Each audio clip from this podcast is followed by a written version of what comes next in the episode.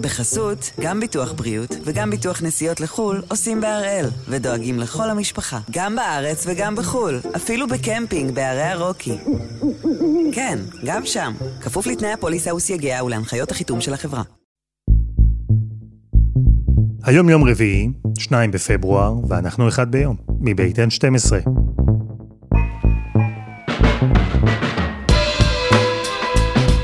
אני אלעד שמחיוף, ואנחנו כאן כדי להבין טוב יותר מה קורה סביבנו, סיפור אחד ביום, כל יום.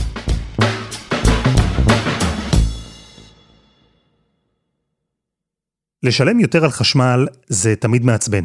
זה מעצבן כי בסוף זה לשלם יותר על אותו הדבר. הרי האור הוא אותו אור. המקרר ימשיך לקרר באותה טמפרטורה. הטלפון הנייד יטען באותה מהירות, ואחד ביום יישמע בו בדיוק אותו הדבר. כלומר, מצוין. אבל המחיר? המחיר של כל זה יעלה. הכל יהפוך ליותר יקר. ואתמול מחיר החשמל בישראל עלה בכמעט 6%. וכן, זה מעצבן, אבל זה גם מאוד מעניין, כי מאחורי העלייה הזו נמצא משבר עולמי חמור, משבר שקושר יחד אנרגיה, פוליטיקה, מלחמה אפשרית ושאלות גדולות מאוד על העתיד. אז הפעם אנחנו עם משבר האנרגיה העולמי, מה שהמומחים מכנים משבר האנרגיה הראשון בעידן הירוק.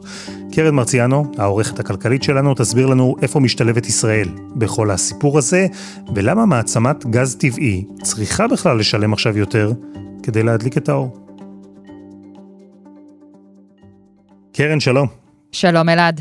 אז uh, מחיר החשמל עלה ועלה הרבה.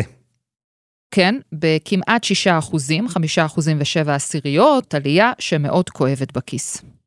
למה זה קורה? צריך לזכור, אלעד, קודם כל, מה הדלקים שמשמשים אותנו לייצור חשמל. כמעט 23 אחוזים מהחשמל מיוצרים באמצעות פחם, בערך 7 אחוזים אנרגיות מתחדשות, וכל ה-70 אחוזים האחרים זה גז. זה בעצם הדלק העיקרי שמשמש אותנו היום לייצור חשמל. והמחיר של הגז הוא מחיר די קבוע. ובעצם הברוך הגדול, הבעיה הגדולה, מגיעה ממחיר הפחם.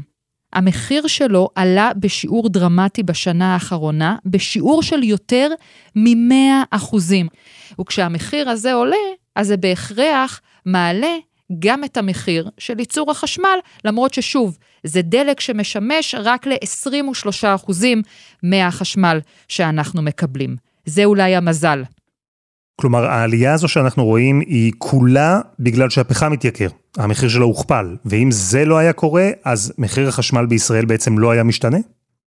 ויותר מזה, אם היינו לוקחים ומשקללים במחיר החשמל רק את העלייה במחיר הפחם, החשמל היה צריך לעלות בלפחות עשרה אחוזים. כלומר, אנחנו בסופו של דבר קיבלנו התייקרות של בערך 6 אחוזים, אבל היא הייתה יכולה להיות גרועה הרבה יותר. עכשיו תשאל אותי, מאיפה מגיע ההפרש? למה זה היה אמור לעלות בלפחות 10 אחוזים, ובסוף זה רק 6 אחוזים? כיוון שחברת החשמל מכרה תחנת כוח, קוראים לה תחנת הכוח חגית, זה הכניס לה הרבה כסף, וזה עזר למתן את העלייה שאנחנו מקבלים עכשיו בגלל הפחם. כך שיכולנו לקבל עלייה גדולה יותר. כלומר ששר האוצר למשל אמר שהעלייה בישראל היא מתונה, אז הוא אה, לא טעה. תראה, אנחנו רואים מה קורה אה, בבריטניה, מה קורה במדינות אה, רבות אחרות שצמודות או למחירי הפחם או למחירי הגז, ואז שם אנחנו רואים עלייה משמעותית, כי לא אצל כולן יש מחיר גז קבוע כמו שיש אצלנו, אבל כן, בהשוואה עולמית, מחירי החשמל בישראל עולים בשיעור מתון. אבל וכאן מגיע האבל. יש לי ביקורת על המהלך הזה, מכיוון שאם הממשלה הייתה מאוד מאוד רוצה, היא הייתה יכולה להקטין את העלייה הזאת במחירי החשמל, ואני אסביר. ב-2019 דיברנו גם על עלייה בסדר גודל כזה של 5-6 אחוזים במחירי החשמל. אז שר האוצר היה כחלון. הוא בא לאנשי משרדו ואמר להם, חברים, העלייה הזאת לא תצא אל הפועל. אין מצב שאני אהיה חתום על עלייה של 6% במחירי החשמל. ואתה יודע מה הם עשו? הם פתאום גילו שבדיוק באותה שנה הם הגדילו מאוד את המס שהמדינה גובה על פחם. ואמרו, אוקיי, אנחנו מוותרים על ההכנסות של המס הזה. אנחנו מוותרים בשיעור של 750 מיליון שקלים. ואתה יודע מה קרה אז? במקום שמחירי החשמל יעלו ב-6%, הם עלו בערך ב-3%. כלומר, שאם המדינה הייתה באמת רוצה להקל עלינו, היא הייתה יכולה להגיד, חלק ממחיר הפחם זה מס שאנחנו גובים, אנחנו המדינה גובה על הפחם, אני יכולה להרשות לעצמי לוותר עליו למשך שנה או שנתיים הקרובות, ובכך לא לבטל לגמרי את העלייה במחירי החשמל, אבל לפחות לקזז חלק ממנה. ואת זה בחרו בינתיים גם באוצר וגם אה, במשרד התשתיות לא לעשות. וקרן, את מדברת על משבר עולמי, ובתוך המשבר הזה, מצבה של ישראל הוא כנראה יחסית טוב, כי לישראל יש מצבורי גז טבעי, חוזים חתומים מראש עם חברות הגז על מחיר שנקבע מראש. אז למה בכל זאת אה, את אומרת למשל שצריך לפעול כדי למתן את העלייה הזו? למה זה כל כך חשוב? קודם כל, זה מציק לכל אחד מאיתנו בכיס, כי כל אחד מאיתנו צורך חשמל הרי בבית הפרטי שלו, והמחיר הזה זו הוצאה יחסית אה, הוצאה חודשית יחסית גדולה, וכשהיא עולה ב-6% זה משמעותי, זה לפחות עוד כמה מאות שקלים בשנה. אבל צריך לזכור שחשמל הוא מרכיב של עלויות מאוד משמעותי בכל מוצר אחר שאנחנו קונים. תחשוב אפילו על מוצר אה, חלב, או כל מוצר מזון שאתה קונה, או כל מוצר אחר שאתה אה, רוצה לקנות. כשמייצרים אותו במפעל, הרי החשמל הוא מה שנקרא תשומה מאוד מרכזית בסל ההוצאות של היצרן. וכשהיצרן צריך לשלם יותר על חשמל, אז ברור שהוא צריך לגלגל את העלייה הזאת לאנשהו. ומי זה לאנשהו? אלינו, הצרכנים. עליית מחירי החשמל היא רק חלק קטן מפאזל גדול יותר, ממשבר אנרגיה, משבר בכל הענף. וישראל היא רק חלק קטן מפאזל גדול יותר, גם כן, כי המשבר הזה מורגש כמעט בכל העולם. וההתייקרות של הפחם, העובדה שהמחיר הכפיל את עצמו, אז גם זו, חלק קטן, פאזל גדול, כבר הבנתם. אז אנחנו נרכיב יחד את הפאזל הזה, כדי שנוכל להתבונן בתמונה הגדולה. אבל קודם, חסות אחת, וממש מיד חוזרים.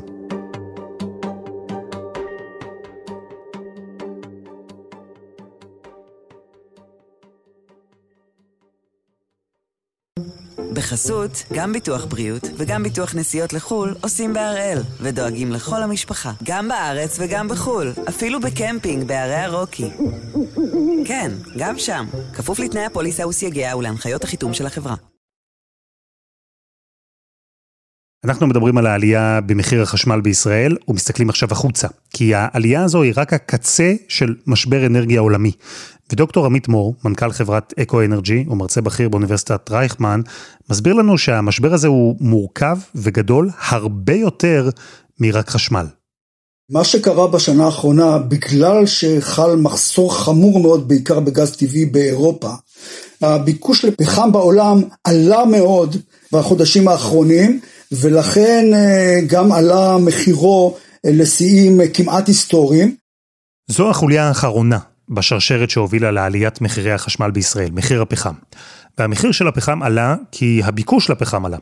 והביקוש לפחם עלה כי יש מחסור בגז טבעי. ולזה יש כבר כמה סיבות. מזג האוויר למשל. באירופה עוברים חורף קר מאוד, אז צריכים יותר חימום. אבל בזמן שהביקוש עולה, יש בעיה בייצור, בייצור חשמל. למשל באמצעות אנרגיות מתחדשות.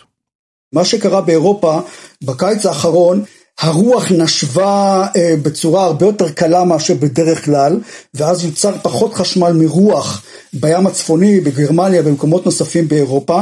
בנוסף, נורבגיה, שכ-80% מהחשמל שם מיוצר במים, מכיוון שהייתה בצורת מאוד קשה בשנתיים האחרונות, אז גם ייצור החשמל ההידרואלקטרי בנורבגיה היה נמוך מהמצופה, כך שהיה צורך להשתמש בהרבה יותר גז טבעי להפקת חשמל, ורזרבות הגז לקראת הסתיו ה-2021 ירדו לרמה נמוכה ביותר.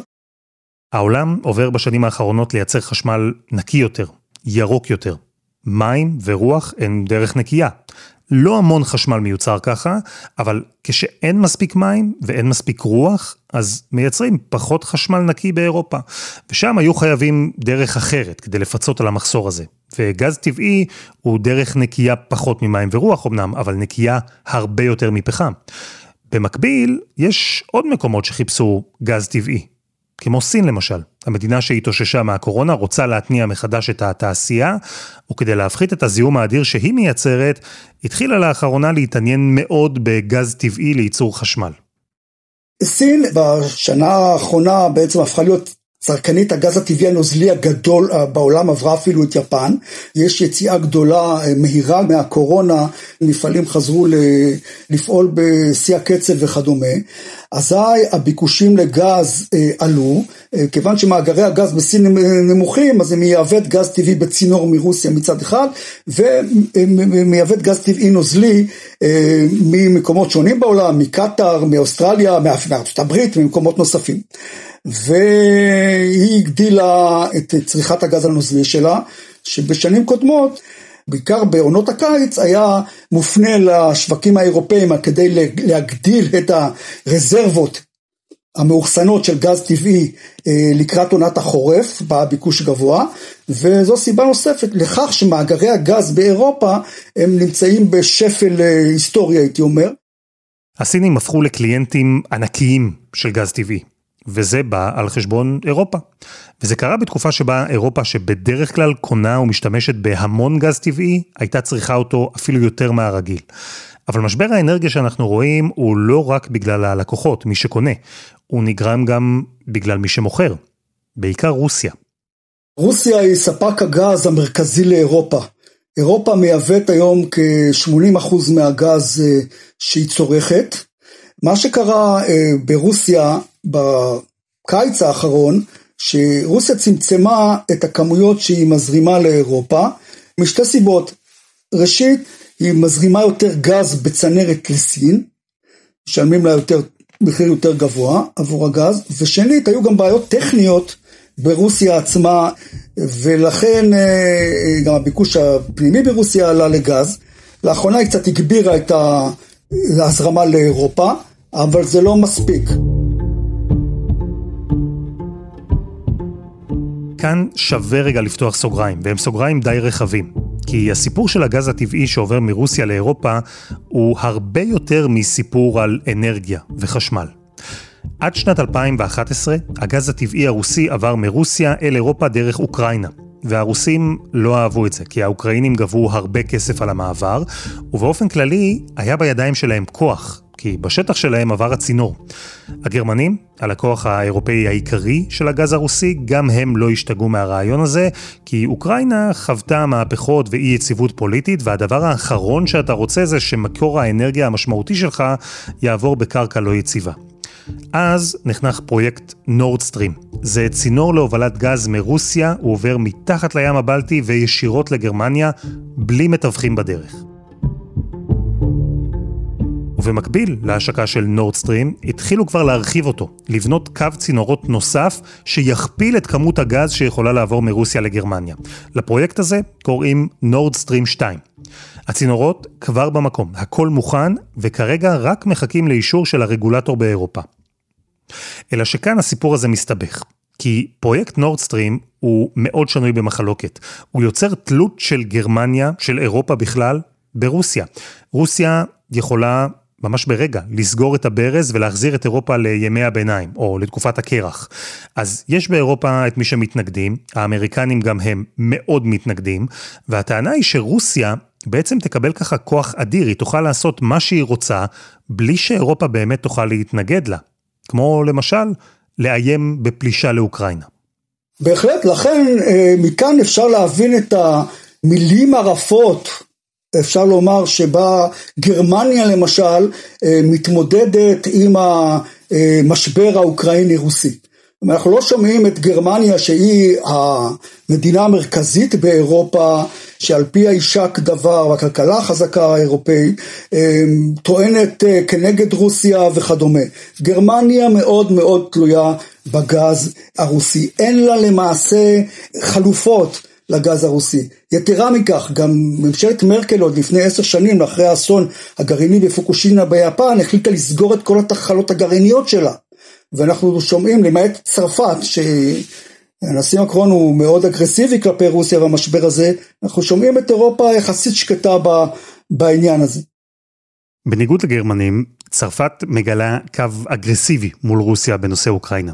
והיא, וזה קשור, עדיין נשענת על אנרגיה גרעינית, ולכן צרפת פחות תלויה בגז הרוסי. אז בינתיים באירופה ובארצות הברית מפעילים לחץ על הקנצלר החדש של גרמניה שולץ, ומבקשים ממנו לאיים על רוסיה, שאם היא לא תפסיק עם המשחקים המסוכנים שלה באוקראינה, הגרמנים יבטלו את הפרויקט. אבל גם הרוסים הרי לא פראיירים. ובתקופה האחרונה הם הפחיתו משמעותית באספקת הגז הטבעי לאירופה, לכאורה בגלל בעיות טכניות, אבל יש מי שטוען שזה בכלל לא טכני, שזו הדרך שלהם ללחוץ כדי שהאירופאים יאשרו את נורד סטרים 2. אני סבור שבסופו של דבר אה, אירופה תאשר את אספקת, את חיבור הנורדסטרים 2. ברור שהיום בעיצומו של המשבר הגיאופוליטי הזה, אה, בילטרלי בין אה, רוסיה לאוקראינה, לא תתקבל ההחלטה, אבל כנראה בהמשך השנה, לאחר שתהיה רגיעה, אם תהיה, במשבר האוקראיני-רוסי. דוקטור מור, כל הדרמה העולמית הזאת מתרחשת מסביבנו, ואיפה אנחנו בכל זה? אז אנחנו מושפעים בשוליים, משבר האנרגיה העולמי הוא די פוסח מעלינו, אז באירופה לרוב הצרכנים מחירי החשמל עלו ב-30 עד 100 אחוז בחודשים ובשבועות האחרונים, אצלנו הוא עולה ב-6 אחוזים, וזה באמת ההשפעה של המשבר האנרגיה העולמי עלינו, זה בא לידי ביטוי רק בעליית מחיר הפחם, כתוצאה מכך בעליית מחיר החשמל. אבל חשוב לזכור ולהבין שמכיוון ש-70% מהחשמל כבר מיוצר בגז טבעי, יש פה עודף היצע של גז טבעי, יש לנו שני ספקים גדולים, לוויתן ותמר, ובקרוב ייכנס ספק נוסף, כריש, ומחירי הגז בישראל לא רק שלא עלו, הם ירדו בחדות. חברת חשמל סגרה הסכם מצוין, ירדו המחירים בראשון ביולי, החל בראשון ביולי ב-27% מחירי החשמל, הגז שחברת החשמל רוכשת, אז אה, אילולא מחיר הפחם היה עולה, אז מחירי החשמל בישראל היו יורדים כתוצאה מירידת מחירי הגז בישראל. כך שמבחינה הזאת אנחנו ממוצבים בצורה אה, פנטסטית. משבר האנרגיה העולמי הזה, מה שאנחנו רואים כאן בעצם, הוא מוגדר כמשבר האנרגיה הראשון של העידן הירוק. כי המקורות הנקיים יותר אכזבו. ומדינות פתאום חוזרות אחורה, לפחם, המזהם, עכשיו גם היקר. ומתנהל ויכוח. אולי העולם הלך לכיוון הירוק מהר מדי? אולי נשענו יותר מדי על תשתית שהיא פשוט לא מוכנה? ואולי להפך, אולי העולם לא הלך לכיוון הירוק מהר מספיק, אולי היינו צריכים כבר עכשיו להיות עם מקורות ירוקים משמעותיים יותר. ובעיקר, השאלה הבוערת כרגע, היא מתי המשבר הזה ייגמר. אני חושב שהמשבר הספציפי הזה ייגמר בשנה הקרובה, כי זה משבר נקודתי, וגם יכול להיות שהאנרגיה המתחדשת אה, השנה תיתן את התמורה או את התפוקה המתוכננת, אז אנחנו לא יודעים, אבל בעקבות המשבר הזה, אני חושב שהלקח החשוב שנלמד ממנו, שמדינות חייבות לתכנן בצורה ריאלית, והמעבר הזה לאנרגיה מתחדשת, ולשאלתך, אני לא חושב שהוא ייפגע, ההפך, יש פה תמריץ לעבור כמה שיותר מהר, אבל תוך כדי גיבוי ונקיטת אמצעים על כך, לכך שלא תחסר אנרגיה, שלא יחסר חשמל. ופה בישראל אנחנו התברכנו באמת במאגרי גז טבעי גדולים, שמאפשרים לנו לבצע את המעבר הזה לאנרגיות מתחדשות וגיוון סל הדלקים שלנו בצורה הרבה יותר רציונלית, ללא אה, משברים כמו שאירופה, סין ומדינות אחרות חוות. קרן, אז ישראל נכנסת לתוך המשבר העולמי הזה כשהיא יחסית מוגנת. מחיר הפחם כן משפיע עלינו, אבל בכל מה שקשור לגז, יש יציבות. והמבקרים את מתווה הגז אמרו אז, ואומרים גם היום, שאפשר היה להשיג אפילו יותר.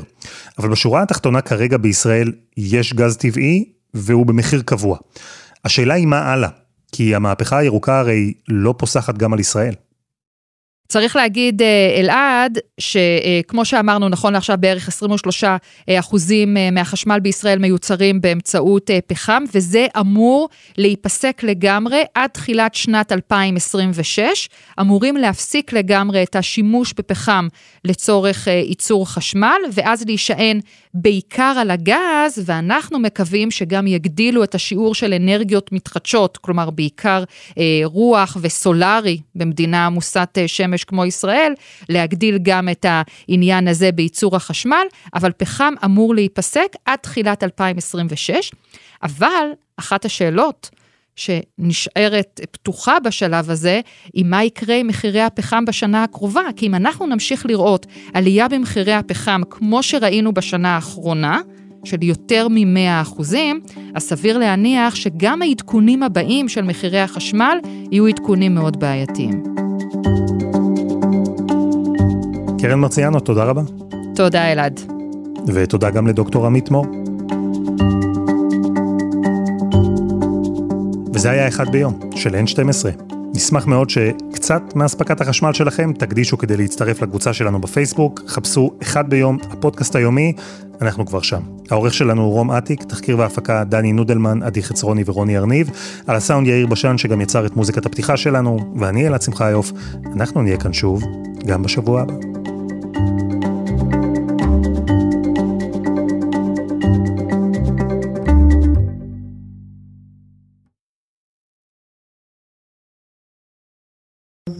בחסות, גם ביטוח בריאות וגם ביטוח נסיעות לחו"ל עושים בהראל, ודואגים לכל המשפחה, גם בארץ וגם בחו"ל, אפילו בקמפינג בערי הרוקי. כן, גם שם, כפוף לתנאי הפוליסה וסייגיה ולהנחיות החיתום של החברה.